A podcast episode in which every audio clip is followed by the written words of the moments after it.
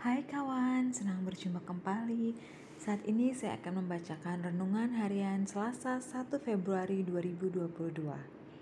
Bacaan dari 1 Raja-Raja 17 ayat 7 sampai 16. Providensia Dei. Dan bawalah kepadaku, kemudian barulah kau buat bagimu dan bagi anakmu. 1 Raja-Raja 17 ayat 13 Providensia Dei. Puji Tuhan dalam usianya yang ke-83, ibu saya masih sehat.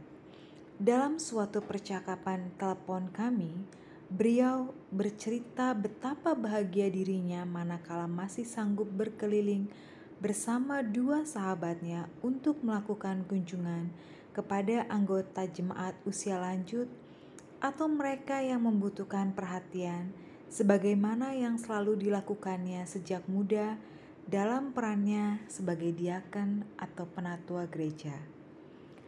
Providentia Dei, sebutan Latin untuk penyediaan atau pemeliharaan Allah.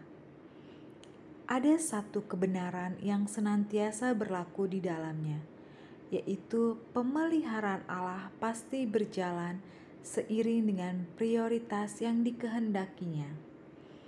Penerapan praktisnya ialah memberi itu selalu mendahului menerima.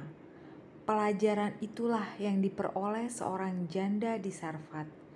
Tak kala ia mendahulukan yang Allah kehendaki, memberi yang dibutuhkan nabinya, dirinya menerima aliran berkat. Tepung dan minyak tepung dan minyaknya tersedia berkecukupan sebab rahasianya adalah di dalam memberi, kita pun menerima. Di mata saya, ibu adalah sosok beriman yang mengalami pemeliharaan Allah secara luar biasa dalam hidupnya. Kesediaannya untuk melayani pekerjaan Tuhan dengan setia sejak masa mudanya, tanpa disadarinya telah ikut menghadirkan berkat yang mencukupkan dirinya sendiri hingga usia lanjut namun bukan hanya beliau. Tanyakan kepada siapa saja yang berani mendahulukan tindakan memberi daripada menuntut untuk diberi. Mereka pasti menjadi saksi hidup pemeliharaan Allah. Inti renungan kita adalah mana ada penyalur berkat Tuhan yang tidak mengalami aliran berkatnya. Amin.